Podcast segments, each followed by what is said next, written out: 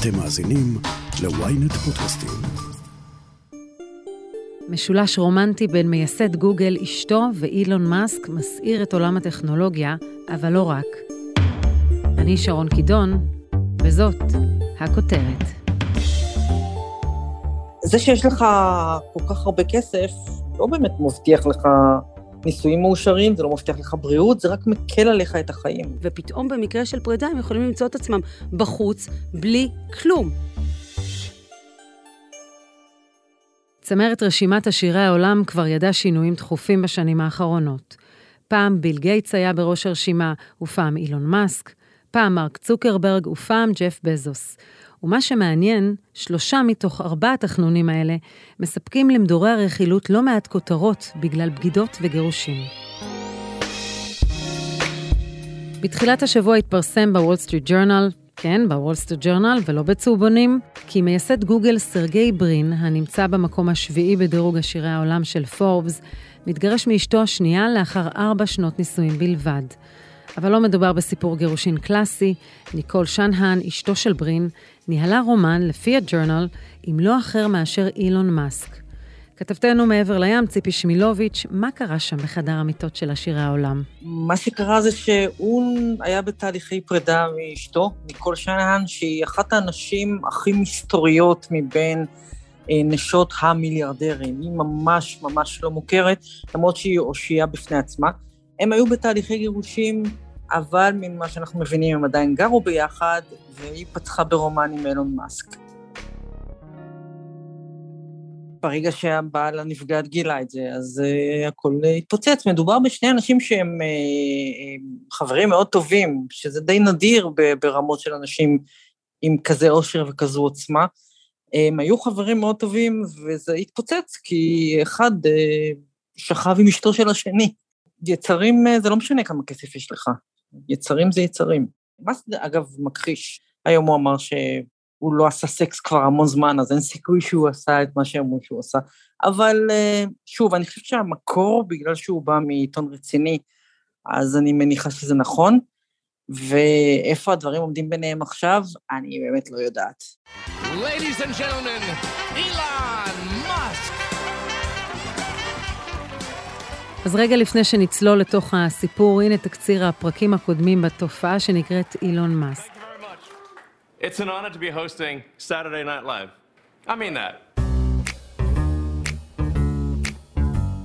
מאסק, שידוע כמנכ"ל טסלה, מייסד פייפל ויזם חברת החלל ספייסקס, הוא דמות צבעונית למדי.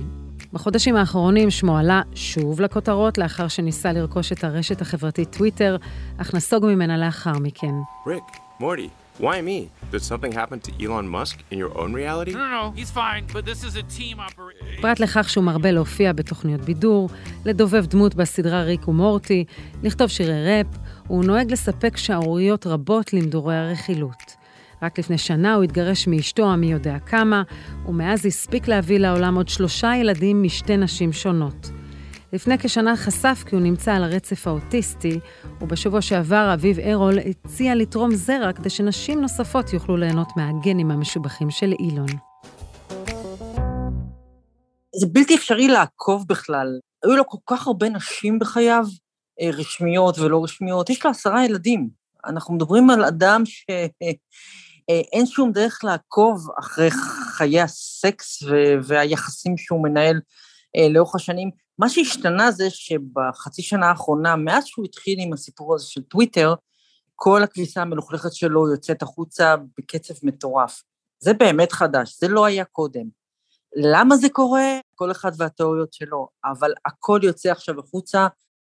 האיש יש לו המון המון כסף, וכנראה גם המון זמן, והוא פשוט אה, קופץ ממיטה למיטה, ועושה המון ילדים בדרך. וכאמור, מאסק וברין הם לא היחידים ברשימת עשירי העולם שהתגרשו לאחרונה. לפני שלוש שנים, ג'ף בזוס ומקינזי סקוט, מייסדי ענקית הקמעונאות אמזון, התגרשו ברעש גדול ופתחו תיבת פנדורה. בשנה שעברה, מי שנתפס כזוג היציב של ה Big Tech, ביל ומלינדה גייטס, אפילו הם סגרו את הבסטה. Well, the divorce is definitely a sad thing. Uh, you know, I have responsibility גייטס, הגירושים שלו היו מאוד מאוד מאוד מפתיעים, כי ביל ומלינדה גייטס תמיד נתנו את הרושם שהם היו אחד מהזוגות האלה שכן עשו את זה, שכן הצליחו, שהם יהיו ביחד לנצח, והגירושים שלהם היו מאוד מאוד מאוד מפתיעים. גם פה יש סיפורי אה, בגידה, ביל גייטס הוא איש עצום, פילנטרופ אדיר, אה, תרומתו לעולם אה, אדירה, אבל מסתבר שהוא הסתובב בחוץ. והגירושים ביניהם באמת היו מאוד מפתיעים, ובמקרים כאלה, אתה יודע, במקרה הזה אה, גם מדובר באמת בכמויות כל כך עצומות ובלתי נתפסות של כסף ו- ורכוש שצריך לחלק בין שני אנשים, זו סאגה בפני עצמה. Now with new details on what could be the most expensive divorce in history. Jeff Bezos, the Amazon founder and the richest man in the world, is calling it quits with his wife Mackenzie after 25 years. Amy is here with more. ב-2019 היה הסיפור של בזוס, שהוא פתח את הרצף הזה, טקסטים שדלפו, תמונות שדלפו, פריצות לטלפון שלו, השערות שהסעודים היו מעורבים, האשמות שממשלת ארצות הברית תחת טראמפ הייתה מעורבת. יש כל כך הרבה מסביב, אבל בסופו של דבר אה, הוא, הוא השלים את הגירושים שלו ממקנזי סקוט. הוא נתן לה הרבה מאוד, אבל בצדק, היא אחראית לאמזון כמוהו, והם אכן אה, התחלקו די חצי-חצי. ההבדל ביניהם זה שהיא, אתה לא שומע ממנה, כל מה שהיא עושה זה לתרום, היא כל הזמן תורמת, היא תורמת הכי הרבה מכל האנשים העשירים בעולם היום. והוא, אתה יודע, הוא פלייבוי, לזכותו ייאמר שהוא עדיין עם, עם לורן סנצ'ז, אושיית הטלוויזיה, שבשבילה הוא עזב את סקוט, אז אה, זה מערכת יחסים שעדיין אה, רצה היטב.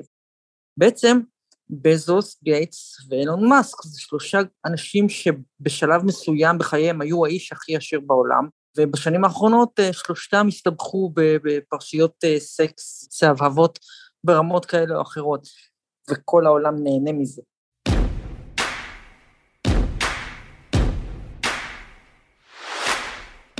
אז ציפי, איך את מסבירה את זה ששלושה אנשים ששינו במידה מסוימת את האנושות, מוצאים את כל הכביסה המלוכלכת ומתפלשים בצהוב? בסוף אנשים מתחתנים והם חיים ביחד המון שנים, ואז, אה, ואז זה לא מסתדר. במקרה של סרגי גרין, שהוא נדמה לי השביעי, האיש השביעי העשיר בעולם, אלה היו נישואים, זה כבר נישואים שניים שלו, ואלה היו נישואים יחסית קצרים, הם היו נישואים ארבע שנים. שוב, אין שום דרך לדעת מה קרה שם ומדוע הנישואים האלה נגמרו.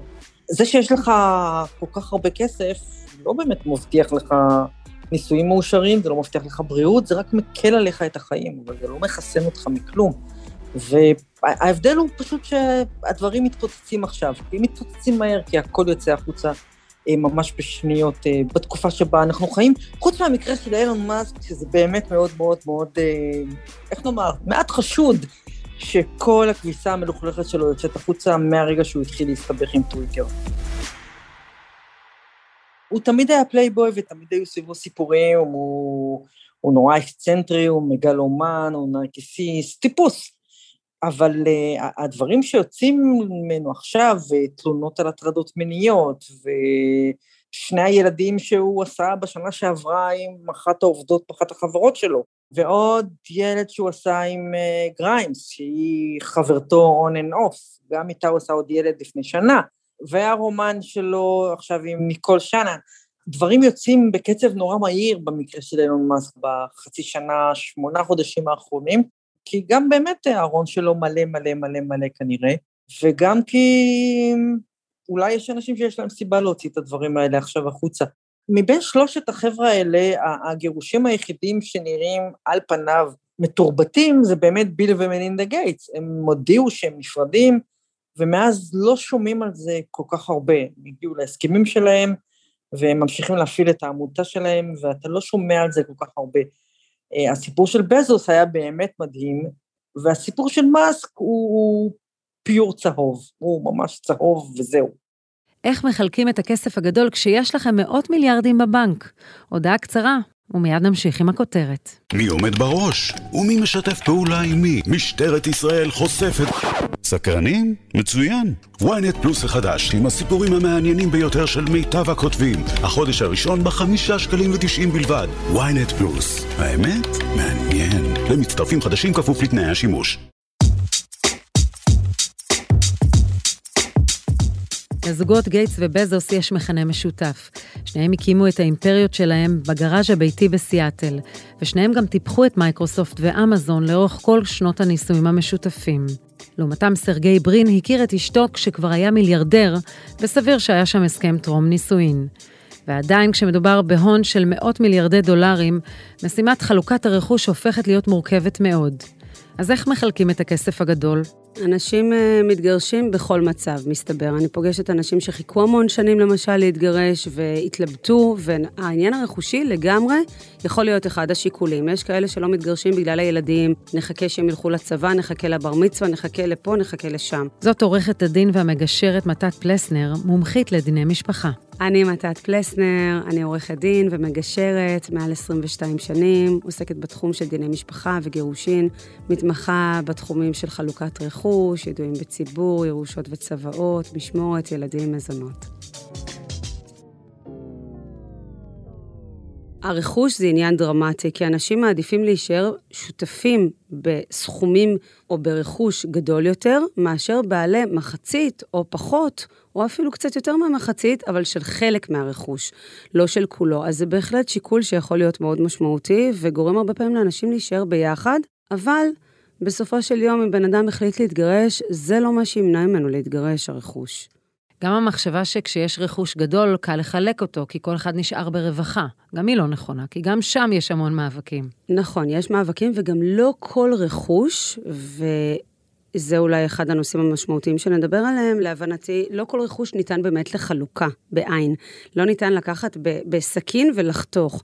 המקרים הקלאסיים זה המקרים שבהם יש אה, דירה, שתי מכוניות, זכויות סוציאליות לכל אחד, איך אני אומרת, כלב, חתול, כמה עציצים, והנה אנחנו אה, מחלקים, ושניהם שכירים, ונורא נורא פשוט להבין מה יש לכל אחד היום, מה נצבר לו לטובת העתיד, מה נצבר מיום הנישואין ועד מועד הפרידה, הקרע אנחנו קוראים לזה, ואז מחלקים את זה, אנחנו יכולים להיעזר באקטוארים, יש את חוק יחסי ממון, אומר חלוקה שוויונית, אחד לאחד. במקרים מסוימים יש נסיבות שבהם אפשר לחלק לא באופן שוויוני, למשל כשיש פערים בהשתכרות של הצדדים. זה המקרה הקלאסי הפשוט. יש כמובן מקרים אחרים שהם הרבה הרבה יותר מאתגרים, ושיש רכוש שהוא לא ניתן באמת לחלוקה. כשאנחנו מדברים על uh, uh, נכסים לא מוחשיים, כמו אופציות ופטנטים, איך מחלקים? אז זה יכול להיות אופציות, וזה יכול להיות פטנטים, וזה יכול להיות בעלות בחברות, והיה לי uh, בית השקעות פעם במשרד, ויש לנו היום איזושהי חברה מאוד מאוד גדולה ששווה מיליונים. אז מה שהרבה פעמים קורה, זה שאם יש חברה שהיא גם מניבה המון המון כספים, והיא תוכל להניב גם הכנסות עתידיות שהן מאוד רלוונטיות גם למי שאינו בעל החברה. זאת אומרת, למשל, הבעל הוא הבעלים של החברה, והאישה היא לא. למשל, היא הייתה עקרת בית, או עבדה באיזושהי עבודה נחמדה כשכירה כל חייה. אגב, יש גם מצבים הפוכים, זה לא תמיד הבעל הוא זה שהמפרנס העיקרי, אנחנו רואים גם מצבים הפוכים כמובן. ועכשיו הם נפרדים. לאישה אין דווקא אינטרס שהחברה תימכר והיא תקבל את מחצית שוויה, כי יכול להיות שאפשר להגיע להסכם שהוא הרבה יותר נכון עבורה, שהיא מקבלת איזשהו סכום מאוד גבוה ומשמעותי, זה יכול להגיע לעשרות אלפי שקלים בחודש, לכל החיים. היום תוחלת החיים גבוהה יותר, אנשים מתגרשים גם בגיל 50, 40, יכול להיות שעוד להמון המון שנים אפשר לקבל עוד הרבה כסף. אפשר לקרוא לזה מזונות, אפשר לקרוא לזה תשלומים במסגרת איזון המשאבים. סביר שלרוב הזוגות יש הסכם טרום נישואים? אנחנו רואים את זה יותר ויותר.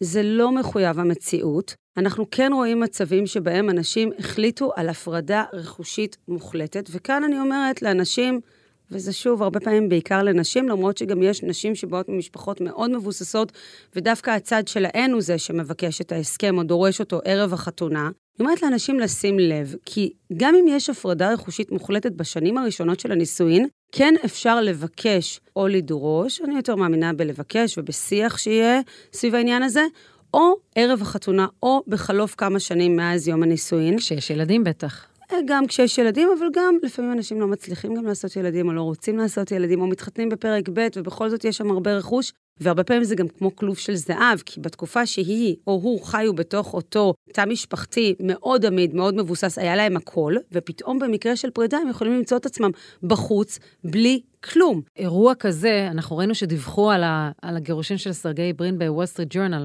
לרוב לא מחלקים חברות, אבל אם בעל שליטה צריך לתת חלק מהמניות שלו לגרושתו, יש לזה משמעות. אני חושבת שיש, ואני חושבת שאנחנו רואים שיש תנודות בשווקים אה, בעולם, באמת מדברים שהם גם הרבה פחות משמעותיים אה, מגירושין.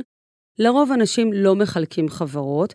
אם יש משהו שמשפיע על העשייה בחברה, אם יש מישהו שנכנס עכשיו להיות uh, באמת מקבל החלטות והוא לא מספיק uh, בקיא בתחומים האלה וכולי, אני חושבת שזה כן יכול להשפיע על שווי של מניה, על ערכים. חושבת שנכון יעשו אנשים שלא יחלקו באמת בעין, אלא בשווים כספיים, או יישארו באמת אה, זכאים לרווחים כאלה ואחרים, או למשל, אם זה הבעל, בו, במקרה של הדוגמאות שדיברנו עליהן קודם, שהוא כן יישאר אולי אה, באמת הבעלים היחיד של המניות, וידאג להעביר רווחים, ידאג לא לעשות צעדים שישפיעו על ציבור בעלי המניות האחרים ועל שווי המניה. ויש גם מקרים שהסכם הגירושין נחתם הרבה לפני האקזיט, כשהחברה הייתה קטנה ולא משמעותית. אבל כשהכסף הגדול מגיע ויש התרגשות של מזומנים, אז יש צד אחד שמרגיש שמגיע לו יותר. אז אני ראיתי אה, מקרים שאנשים אה, לא תמיד הלכו לפתוח את זה בבית משפט, אלא ניסו לפנות לצד השני, והרבה פעמים זה גם יכול להסתייע. כי האנשים האלה הרבה פעמים מעדיפים לא לתת למישהו אחר להחליט בעבורם, ואני חושבת שגם אם אני מייצגת מישהו שהוא זה שרוצים לפתוח את ההסכם בצד שלו, והוא זה שיצטרך לשלם יותר, אני תמיד אמליץ לנסות להגיע להסכמה בדרך טובה, בדרכי שלום ונועם, כי אז יש לו שליטה על מה הוא נותן, והוא יודע מה הוא מחליט לתת. מניסיונך עתיר השנים, יש שוני בין גירושים של מיליארדרים לאנשים רגילים מבחינת הסיבות, היצרים והגינות חלוקת הרכוש? אז אני חייבת להגיד שבין אם אנחנו רואים מיליארדרים, או אנשים שהם שכירים 40 שנה, או כאלה שהם משהו בין לבין, אולי היו בעבר שכירים והיום הם עצמאים ומצליחים מאוד, הסיבות לגירושין לא באמת משתנות. רוב האנשים, אנחנו רואים אצלם באמת או בגידות, או אהבה שנגמרה, או איזה רצון פתאום כבר באמת להמשיך הלאה ולהגיד, אוקיי, אני רוצה, נשארו לי עוד איקס שנים, אני רוצה לחיות אותם אחרת. יש אנשים שאולי מתגרשים בגלל שהם רוצים שיהיה שקט לילדים, אבל אני חושבת שהסיבות הן אותן סיבות אצל כולן. אין קשר לחשבון הבנק. אני חושבת, כן. עורכת הדין מתת פלסנר, תודה רבה לך. תודה רבה. אז ציפי, למה זה כל כך מעניין אותנו, הצרות של עשירי העולם? קודם כל כי כולנו רכלנים. צרות של עשירים, כמו שאמרתי קודם, זה כיף לנו. זה הכל נראה כמו תאונת דרכים אחת ארוכה שאי אפשר להסיר את העין. ובאמריקה בוודאי, אמריקה היא מדינה שמעריצה עושר, היא מעריצה סלבס. זה הדבר שמחבר כאן את כולם. וברגע שסלבס מסתבכים, זה שמחה גדולה, זה זה גם אסקפיזם, אנחנו חיים בתקופה מחורבנת. וכשקורים דברים כאלה שהם לא באמת חשובים, והם לא מפריעים לנו, והם לא פוגעים לנו בחיים, אז אה, אנשים בורחים לזה. בואו נעקוב אחרי הצהרות של אילון מאסק, זה נורא כיף. ציפי שמילוביץ', ניו יורק, תודה רבה. תודה לכם, תודה רבה. תאמינו או לא, אבל הקלישאה שכסף לא קונה אושר היא ככל הנראה נכונה. עם הכסף הגדול מגיעות כמו אצל כולם גם בעיות. וכאן הכל הוא בגדול. עולם היזמות הטכנולוגית הוא עדיין גברי, והם בהתאם נשארים עם החברות ומרבית הרכוש. הסכמי טרום הנישואים מבטיחים להם את היציבות העסקית, וגם אם דירוגם ברשימת עשירי העולם יורד בגלל הגירושים, הם מהר מאוד שווים לפסגה. המשולש הרומנטי שאיתו פתחנו את הפרק מוכיח שהפרסום, האגו והאפשרויות הבלתי מוגבלות לא מספיקים לכולם. טוב, נו, כמעט לכולם. חוץ מלילד הטוב והחנון של התעשייה, מרק צוקרברג. הזוגיות האמיצה שלו עם פרסיליה צ'אן משרה עלינו מעט אופטימיות, כי יש סיכוי לאהבה יציבה שם בפסגת הטק.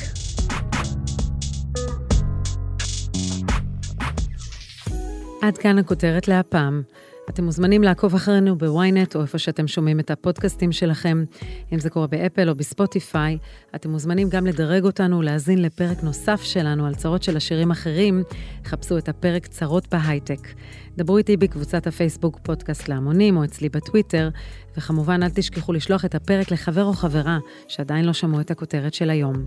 עורך הפודקאסטים הוא רון טוביה, תחקיר והפקה טס גדות, עריכה וארכיון עם גיא סלם, על הסאונד חגי בן עמי, אני שרון קידון, ניפגש בפעם הבאה.